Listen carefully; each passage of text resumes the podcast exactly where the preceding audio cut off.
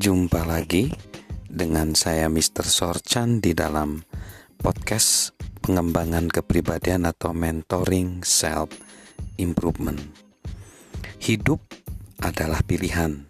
Tentunya banyak pilihan yang harus kita ambil. Dan Mr. Sorchan menawarkan opsi hasrat adalah pilihan.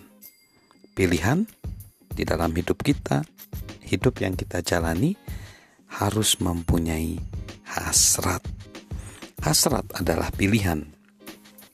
Sukses bukanlah hasil dari pembakaran yang spontan. Pertama-tama, bakarlah diri Anda. Itu yang dinamakan, itu yang diungkapkan Reggie Leach.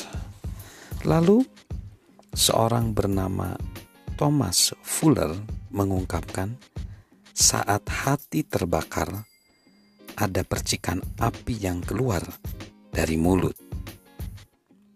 Konfusius mengatakan, "Jika Anda menyukai apa yang Anda kerjakan, Anda tidak perlu lagi bersusah payah bekerja sepanjang hidup Anda." Ken Henpil menambahkan, "Bukan visi yang mampu memicu pertumbuhan, melainkan hasrat. Hasrat menjadi bahan bakar visi. Selanjutnya, visi menjadi fokus dari kekuatan hasrat.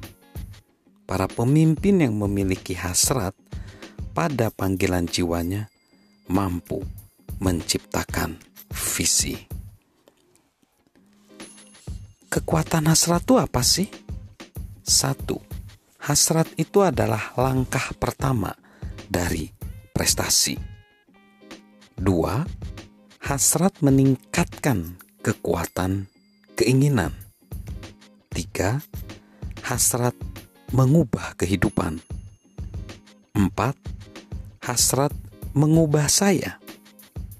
Lima, hasrat mengubah yang tidak mungkin menjadi mungkin. Wow.